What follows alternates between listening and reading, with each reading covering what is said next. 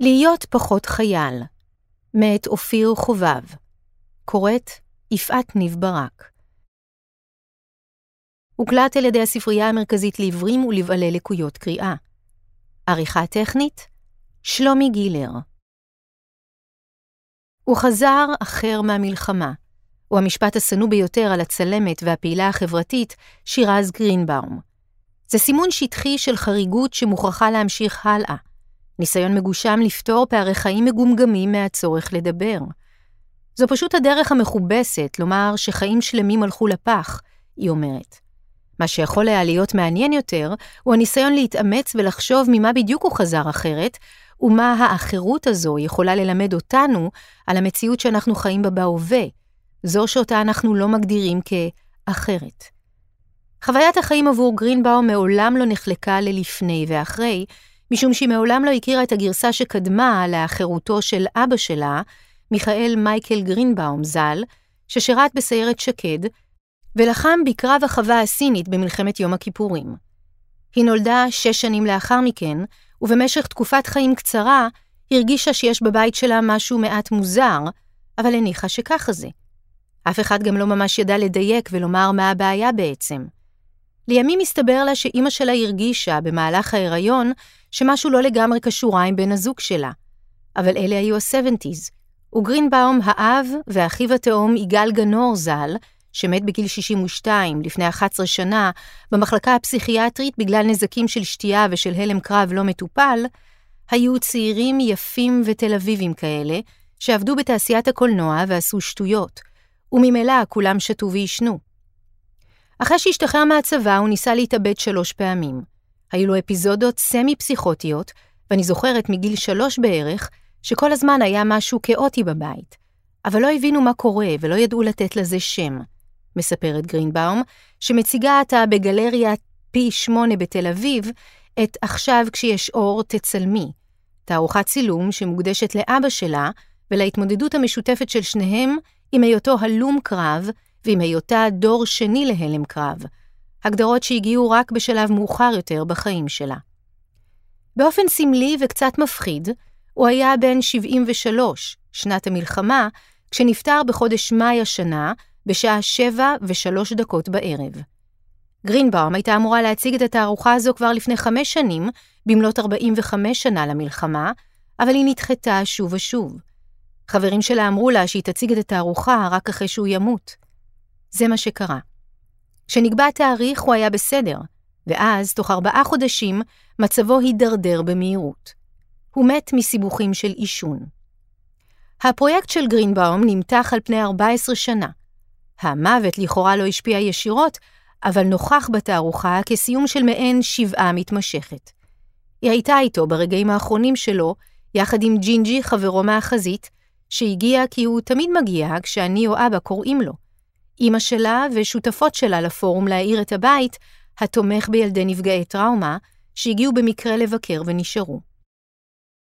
כל החיים הפחיד אותי מה יקרה אם הוא ימות כשאני לא אהיה שם. מה אם הוא ימות כשהוא לבד? אבל היינו שם איתו כולנו. יכולתי ללוות אותו שם, וזה עשה לי המון שקט. בית שלא מגיעים אליו. בתור ילדה אני זוכרת שכל הזמן קרה משהו, שתמיד היה איזה עניין, היא מספרת. או שאבא שלי ודוד שלי היו רבים, או שיכורים, או צועקים, או שאבא ואימא שלי היו רבים. הבית היה מקום מאוד לא יציב. מדי פעם הייתה אפיזודה דרמטית יותר של צעקות או של אלימות, שלא ממש ראיתי, אבל ידעתי שהייתה שם. ממש זכור לי הדבר הזה של אבא, בבקשה אל תבוא שיכור לבת מצווה שלי, או אבא, יש בבית הספר יום מורים ואני מעדיפה שלא תבוא. הוא נורא הביך אותי. הבית שלי היה מין מקום כזה שלא מגיעים אליו. כולם בבית הספר, לטבע סביבה וחברה בתל אביב, ידעו שמשהו אצלי שם כנראה קצת מוזר, אבל שמצד שני אני לא ממש מדברת על זה. ככל שעבר הזמן, הבית הלך ונמחק ממש מהשיח שלי עם חברים, מין צמצום מרחבי כזה. הוא כאילו לא התקיים בכלל. להבדיל מהתקופה ההיא, המילה בית חוזרת לא מעט בשיחה שלנו, שמתקיימת בדירתה המתוקה של גרינבאום, 44, בדרום תל אביב, שבה היא מתגוררת עם וולפי ובונג'ו, כלבה וגור שמחים ונמרצים מדי, שמוודאים שלא יהיה רצף תקין של דיבור ללא הפרעות. בשלב מסוים לאחר שלעס עט והחתים את הרצפה בקדמי דיו כחולים, בונג'ו מורחק מהסלון ומצטווה לחכות מחוץ לדלת. זה מחזיק בערך עשר דקות, עד שהוא פורץ פנימה בזנב זקור. קופץ על הספה ומתפרקד עליה לצד אמו, שמלקקת אותו בהשלמה. גם גרינבאום מוותרת די מהר על הרשת פנים נוזפת, ומנסה להסדיר מחדש את קצב הדיבור. מסנכרנת אותו בזהירות עם קצב הנשימה. כשהייתה בת 12 ההורים שלה נפרדו, היא מספרת. היא ואימא שלה עזבו את הבית בתל אביב ועברו לזיכרון יעקב. הקשר עם אבא נותק. זו הייתה פרידה שנראה לי שהם נורא לא רצו לעשות, אבל כזו שגם ניסו לעשות הרבה מאוד זמן, כי פשוט לא הייתה ברירה, היא אומרת. הוא היה במצב בלתי אפשרי. בהתקף זעם, או שיכור, או לא מצליח לחבר משפטים שלמים ואי אפשר היה להבין מה הוא אומר. הוא היה מאוד מבולבל. היום אני יודעת שקוראים לזה דיסרגולציה של המוח, ושזה אופייני מאוד להלומי קרב. היום אני גם יודעת שמוח פוסט-טראומטי הוא מוח שנמצא רוב הזמן במצב של עוררות יתר, שהאמיגדלה במוח שולחת כל הזמן פולסים שמאותתים על סכנה, ושזה יכול להתבטא בחוסר קוהרנטיות או דיסוציאציה. כל דבר היה יכול להקפיץ אותו והוא היה מתפרץ. לאימא שלי היה קשה עם המחשבה שאבא לא יהיה נוכח בחיים שלי, אבל היא הבינה שהיא צריכה להציל אותנו באיזשהו אופן.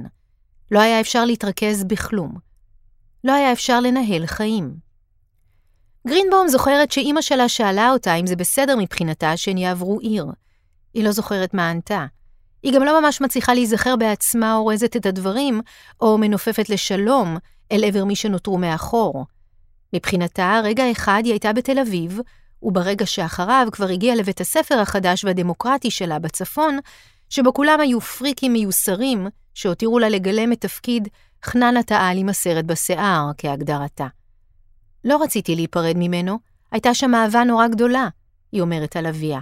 זה כאילו מצחיק להגיד, אבל ידעתי שמתחת לכל זה הוא בעצם בסדר, שהוא נשמה טהורה ומלאת טוב ויצירתיות, אבל בין הפנים הזה שלו לבין מה שיצא החוצה, לא היה הרבה קשר. אני לא זוכרת מתי או מי בדיוק אמר שטראומה היא אובדן הבית הפנימי. ואצלי הבית באמת נשבר והזהות שלי התפרקה, אבל זה הורכב גם מזה שנאלצתי לחיות עם המחיר של לעזוב מקום שנורא לא רציתי לעזוב, מבלי שבעצם הבנתי למה. לקח לי זמן להבין שמעבר לטראומה של אבא שלי, גם אני סוחבת איתי טראומה, ולא רק שאני סוחבת אותה, אלא שגם יש לי חוסר הבנה לגביה וחוסר ידיעה מה טיבה וממה היא מורכבת בעצם. גרינבאום זוכרת בכל זאת אירוע אחד שמבליח מעל האחרים. כשהייתה בת 16 נסעה עם אמה לבקר את אבא שלה בתל אביב. משום מקום הוא פתאום דיבר על הצבא ועל השעה האחרונה של המלחמה. אני לא יודעת אם זו הייתה באמת השעה האחרונה, אבל ככה הוא סיפר את זה, אומרת גרינבאום. זו הייתה מין חוויית קצה כזו של לחימה, עם אורות גדולים ופגזים, והוא לחוד. וחבר הכי טוב שלו מהצוות, ג'ינג'י, שהוא איתו עוד מהבקו"ם, מציל אותו. אני זוכרת שהסתכלתי עליו ולא הבנתי מה הקשר. אמרתי, אוקיי, אני רואה מולי איזו תופעה כאוטית, אבל לא עשיתי את הלינק. עד גיל ממש מאוחר בכלל לא ידעתי ששירת בסיירת שקד, ועד היום לא מאוד דחוף לי לדעת את תוואי הקרב. זה מאוד אופייני לילדים שהם דור שני להלומי קרב. לרוב הם ממש מדקדקים בפרטים ומכירים את כל תצלומי האוויר. או שהם כמוני, קלולס לחלוטין.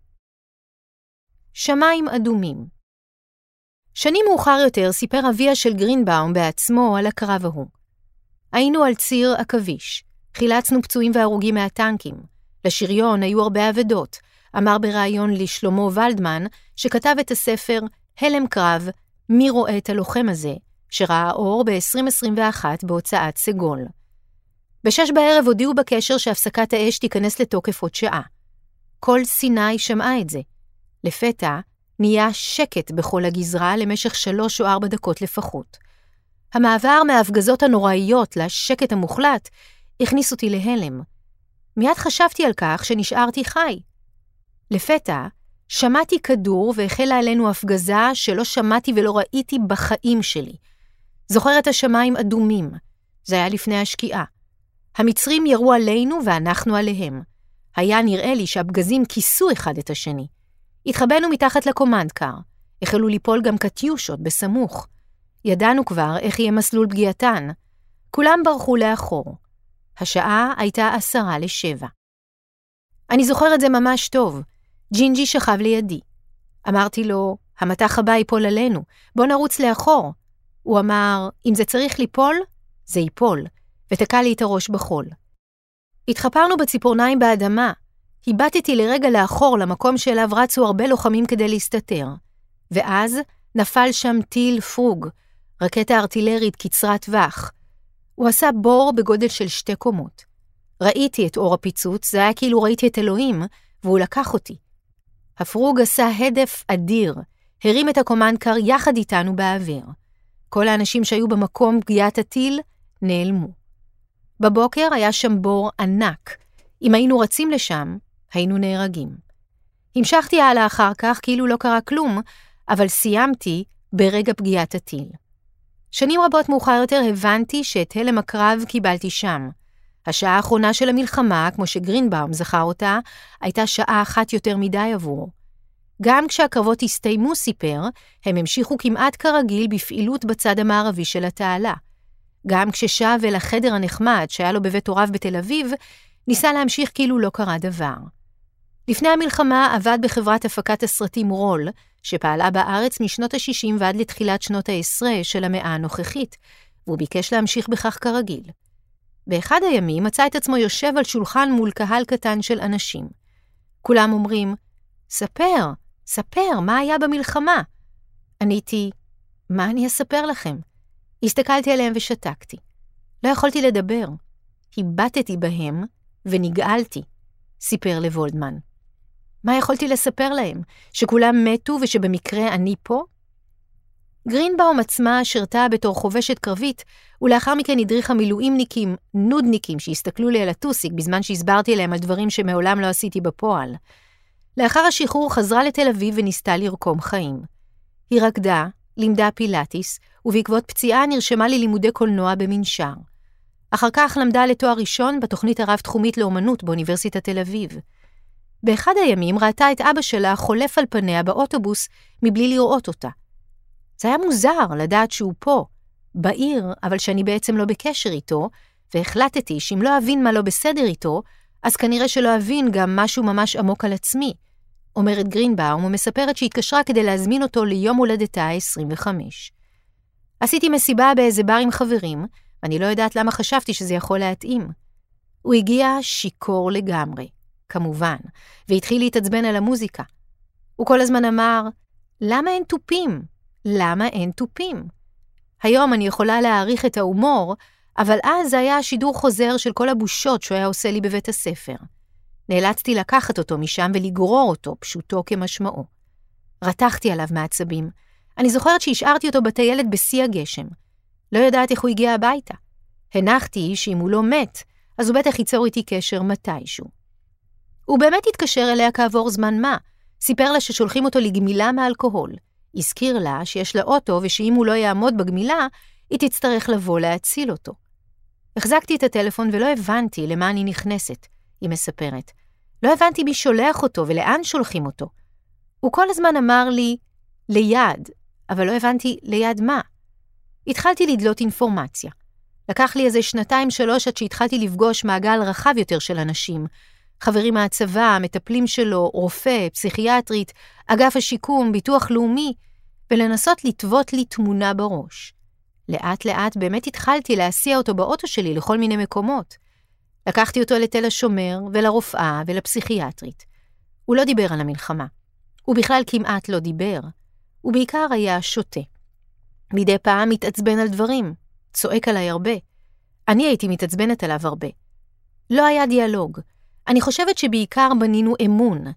זה לקח חמש או שבע שנים עד ששנינו הבנו שאנחנו לא הולכים לשום מקום. לא אבא גיבור.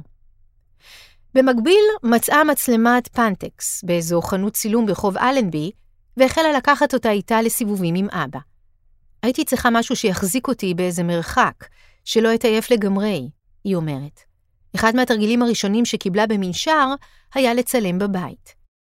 היא הלכה לצלם את דוד שלה ואבא שלה בחצר של סבתה, יושבים עם בירה ושחטות. הכי בוקר טוב וייטנאם שאת יכולה לדמיין, מחייכת גרינבאום. הם היו כיפים ביחד והיה להם הומור פנימי שחור כזה, חד ונטול פילטרים. אני בעיקר התבוננתי מהצד. הם אלה שלימדו אותי צילום ונתנו לי הערות כל הזמן. את רחוקה. את לא רואה שאין לך פוקוס? את עם צמצם לא נכון. את לא רואה שהכל חשוך? שאין אור? הם היו משגעים אותי בהתחלה, ובעצם היה גם ממש כיף איתם, כשלא היה ממש נורא. לא בדיוק היית יודעת לומר מתי יגיע הר הגעש ויתפרץ עלייך. הדימויים שצילמה במשך 14 השנים האחרונות מרכיבים עתה את התערוכה הנוכחית שלה, שאותה עצר אבשלום סולימן, ושעתידה להינעל בחודש הבא. הם מצד אחד גופניים, פיזיים מאוד, ועתירי טקסטורה. רבים מגורענים, אחדים מהם כהים או שרופים. מן הצד השני הם מנסים לתפוס מהן נוכחות חמקמקה ולהנציח אותה כמעט בכוח. לעתים אביה של גרינבאום מסומן באמצעות צללית בלבד, לעתים זו טקסטורה של וילון שמסתירה את פניו. בפעם אחרת, מצחיקה ומצמררת כאחת, הוא עומד מתחת לאלומת פלורסנט, כשהוא מרכיב משקפי שמש, ופורס את ידיו כלפי מעלה. מחייך. מחכה. בדימויים רבים שלא נכללו בתערוכה, אבל כן מרכיבים את גוף העבודות הזה, נראה אביה של גרינבאום כשהוא בגבו למצלמה. לעתים קרובות הוא מוסתר או מוחשך. יכול להיות שסוג הצילום הזה היה ניסיון שלי ליצור איזו קונקרטיזציה של האב, אומרת גרינבאום. הרבה מהקשר בינינו התנהל בתקופות שבהן היינו רחוקים פיזית אחד מהשנייה, או שנמצאנו קרוב, אבל לא הצלחנו לדבר. יש הרבה דברים שלא מתאפשרים בסוג כזה של קשר, או בסוג כזה של אבהות ללא מילים, חלקם לא מתקיימים בהכרח במציאות. הצילום אפשר לי להצביע על הקיום הפיזי שלו במציאות, ולעשות לי בית. אז אני יודעת שזה לא האבא הגבוה והחזק עם הסולם, אלא שזה אבא שלי והוא לובש את השרוואל הזה, והוא אף פעם לא היה איזה גיבור גדול, אבל הוא מתקיים באמת. אפשר לראות בתמונות. צילמתי כדי לא לאבד אותו, וגם כי רציתי שידעו שזה היה מסע מפואר, לעשות מקום לאופן שבו הוא נשא את הפצע. בשונה מהדיבור האקדמי על המצלמה ככלי נשק, גרינבאום, שאומנם ביקשה לגעת ולהתקרב, ניסתה דווקא ליצור מעין צילום בהישענות לאחור, ככה היא קוראת לזה. לא היה בינינו הרבה מגע, וזה היה ככה עוד מגיל קטן, היא אומרת.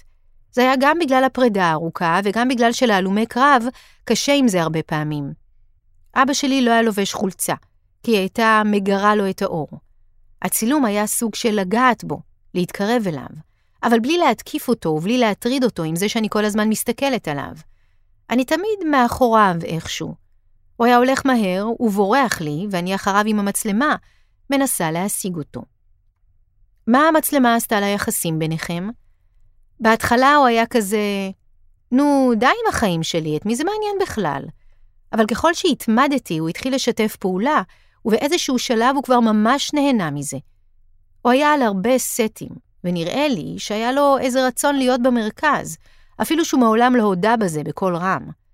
מתישהו פרסמתי את התמונות בגרנטה, ואז בבלוג הצילום של הארץ, ופתאום הוא ראה את האפקט, את מה שקורה לאנשים ששייכים לדור השני, ומתחילים לדבר על זה. זה נתן לו משמעות. הוא פתאום הבין למה אני עושה את זה, ואני חושבת שאז גם אני הבנתי למה אני עושה את זה. הוא התחיל להציע דברים משלו והכיר בזה שאנחנו יוצרים מטאפורות יחד, מייצרים איזה עולם אחר שמשותף לשנינו.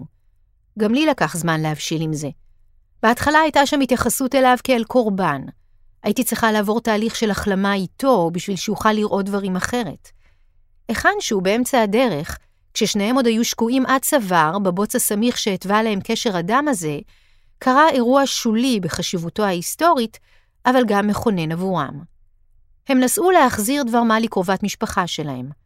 אני נהגתי והוא ישב לידי והיה בהתקף זעם משוגע, כזה שלקח לי איזה עשור כדי להבין מה אני צריכה לעשות מולו, משחזרת גרינבאום. זה היה אוגוסט, חם למות, והוא מקלל אותי קללות אימים. ובנקודה הזו הבנתי שזה בדיוק השיעור, שאני צריכה לנסות ולהיות באי-אלימות מולו. לא מול הצבא ולא מול המדינה ולא מול אגף השיקום, רק מולו. באיזשהו שלב אמרתי לו, אבא, אתה יודע מה? לא משנה מה תגיד עכשיו, אני לא אתעצבן. כי אנחנו פשוט צריכים להחזיר את החבילה הזאת. ואם אני אתעצבן, לא נעשה את זה, ואז יקרו דברים רעים מאוד. פשוט לא יכולתי להרשות לעצמי להתעצבן בנקודה ההיא. המחיר היה גבוה מדי. הרגשתי שיורד עליי מלמעלה חוט לבן שעובר דרכי, וששום דבר לא יוציא אותי עכשיו מהסנטר. ואז קרה דבר מדהים. הוא פשוט נשען לאחור בכיסא, הדליק סיגריה, ומלמל, טוב, אז אנחנו נחזיר את זה וניסע הביתה. ועניתי לו, כן, זה מה שאנחנו נעשה. זה היה אחרי 45 דקות של קללות וצרחות. דברים איומים ונוראים שאת לא אמורה לשמוע מאבא שלך או מאף גבר בעולם. פתאום הבנתי את מה שגנדי אמר, שזורקים ויורים עליך ואתה חייב להישאר באי אלימות, כי אם תשתף פעולה עם אלימות, כל מה שתקבל זו אלימות בחזרה. פתאום הבנתי שקורבן הוא דבר אלים, כי הוא ספג אלימות. ואם אני רוצה לגשת למצוקה הזו, אני צריכה להביא בחשבון שהאלימות כנראה תגיע אליי, אבל מישהו חייב לקטוע את המעגל ההרסני הזה. זה היה הרגע שבו כל היחסים שלנו השתנו. הם כבר לא הושתתו על הלופ הזה, שבמסגרתו הוא מתעצבן, ואני מתעצבנת, ואנחנו שנינו מתעצבנים, ומגיעים לרמות משוגעות של צרחות ושל זריקת חפצים. זו הייתה נקודה מכרעת, שבה גרינבאום, שהייתה במשך עשור חלק מקולקטיב הצילום Active Stills, ואף ערכה יחד עם ורד מימון את הספר Active Stills, Photography as Protest in Palestine Israel, שראה אור בהוצאת פלוטו פרס ב-2016, הבינה את הפוטנציאל הפוליטי הרחב יותר של התמודדות עם פוסט-טראומה, ואת האופן שבו היא קשורה גם לאקטיביזם. החברה הישראלית מכחישה באופן אינהרנטי פוסט-טראומה, אומרת גרינבאום. הפוסט-טראומטי הוא הנגטיב של האתוס הציוני. הוא מוטמע בתוך האתוס הזה של החייל. זו כל הזמן אותה פעולה שאנחנו עושים. אנחנו מתחילים לדבר היום על פוסט-טראומה, אבל בחדרי חדרים מתלחששים ואומרים שהם עושים את עצמם. אנחנו מדברים על הצלקות מהמלחמה, אבל היום יש כבר מחקרים שעובדים על זה שיוכלו לאשש הלומי קרב למצב תקין כבר בשטח, כדי שיוכלו לשוב ולהילחם. אז מה עשינו בזה? לא הבנתם כלום? בהקשר הזה מתבקש לדבר על המחאה, שמאפשרת לדברים לצוף ולעלות, אבל גם מנציחה את המעגל הסגור של הסיפור הציוני וההירואי שאנחנו מספרים לעצמנו. היום, כשאב צועק, הבן שלי בחווארה, בזמן שהוא מקבל מכות משוטרים על איילון, אז אולי יותר אנשים מצליחים לראות את הדיסוננס הקוגניטיבי שאנחנו חיים בתוכו ישר בלבן של העין. מרגיש לי שהיום, אחרי איציק, סעידיאן, ששירת בגולני והצית את עצמו מול משרדי אגף השיקום, ובעקבות רפורמת נפש אחת, או סתם בגלל שאנחנו חיים בתוך סיר לחץ כזה, שבו הכל צף ועולה, אז אי אפשר להסתיר את זה יותר. כאילו, כמה עוד אפשר? אני חושבת שככל שהמקום הזה נסדק מבחינת הלכידות החברתית שלו, הולך ונעשה קשה להגן על הסיפור שבשבילו יצאת על מלחמה מלכתחילה. נהיה בלתי אפשרי להחזיק את הפוסט-טראומה בתוך הבית. להמציא שפה לטראומה. אחרי כמעט עשור של הפגנות עם אקטיב סטילס, גרינבאום מוצאת שהיא מהוססת יותר כלפי המחאה הנוכחית נגד ההפיכה המשטרית. זה כבר נדוש להגיד, אבל אף פעם לא היו פה שוויון או דמוקרטיה בשביל פלסטינים, אתיופים, מזרחים, והרשימה עוד ארוכה. לא זכויות ולא חלוקת משאבים, היא אומרת. חשוב שאנשים יוצאים היום מהבית, אבל צריך להרחיב את הדיון לכל העוולות שהיו כאן קודם, כמו שעושים ארגונים חשובים שנמצאים בתוך המחאה, כמו שוברות קירות, פרופיל חדש, מסתכלים לכיבוש בעיניים, והארגונים הלהט"בים. בכל שבת היא מוצאת את עצמה מתלבטת, אולי הפעם תצא, אבל נשארת בבית.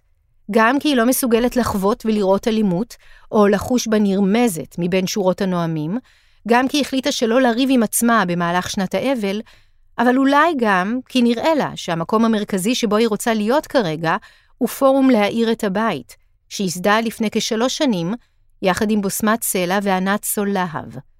הפורום מהווה קהילה הולכת וגדלה שתומכת בילדים לנפגעי טראומה על רקע צבאי, מפעילה קבוצות תמיכה שעוסקות בעיבוד חוויות של העברה בין-דורית של טראומה, ובהשפעות של המלחמה על המרחב הביתי בישראל.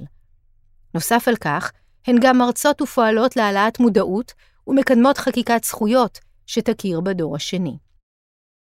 טראומה זה משהו שאין לו שפה, וצריך איכשהו להמציא אותה, אומרת גרינבאום.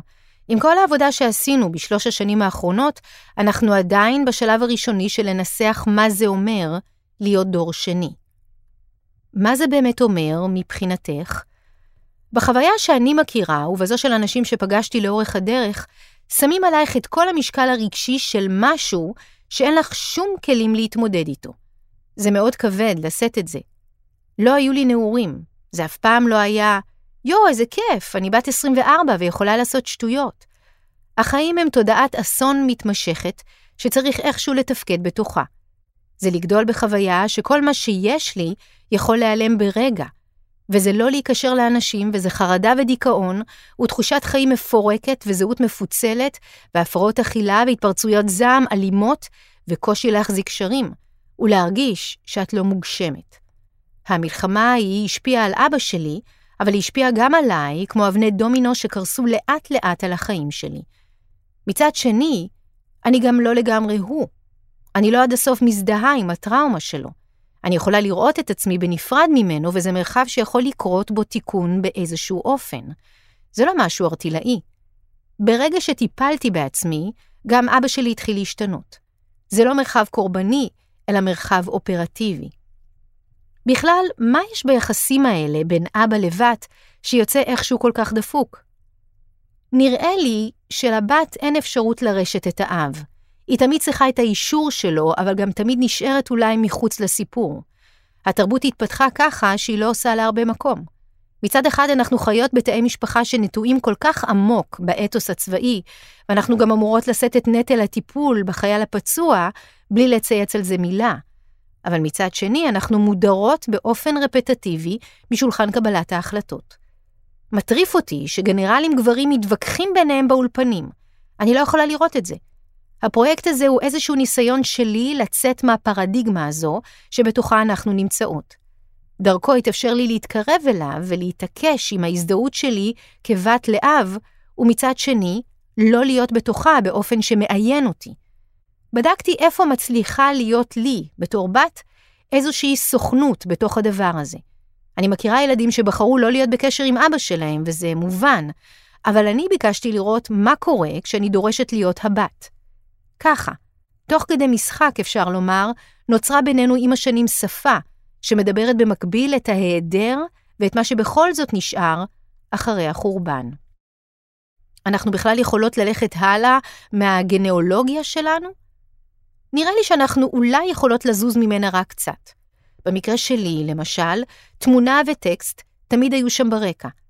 עם אבא שלי שעבד על סטים ועם אמא שלי שתמללה. בכלל לא חשבתי על הדברים האלה, אבל בסוף סיימתי בדיוק ככה. במידה רבה אני חושבת שזה גם הנושא של הפרויקט. לפעמים אנחנו יכולות להיות תוצר של גנולוגיה של כמה גלגולים אחרים שאנחנו לא יודעות מהם בכלל. אנחנו לא רואות את התמונה השלמה אף פעם. אי הידיעה הזו היא חוויה מכוננת בחיים שלי, והחלטתי שאני מתמסרת לזה שאני לא מבינה את הסיפור. אני לא יודעת אותו ולא מכירה את כל החלקים שלו. אני יכולה רק לקוות שדברים יזוזו קצת. הנה, לקח לנו זמן, מאז 1948 ועד היום, להסתכל על עצמנו ולהבחין בפשיזם.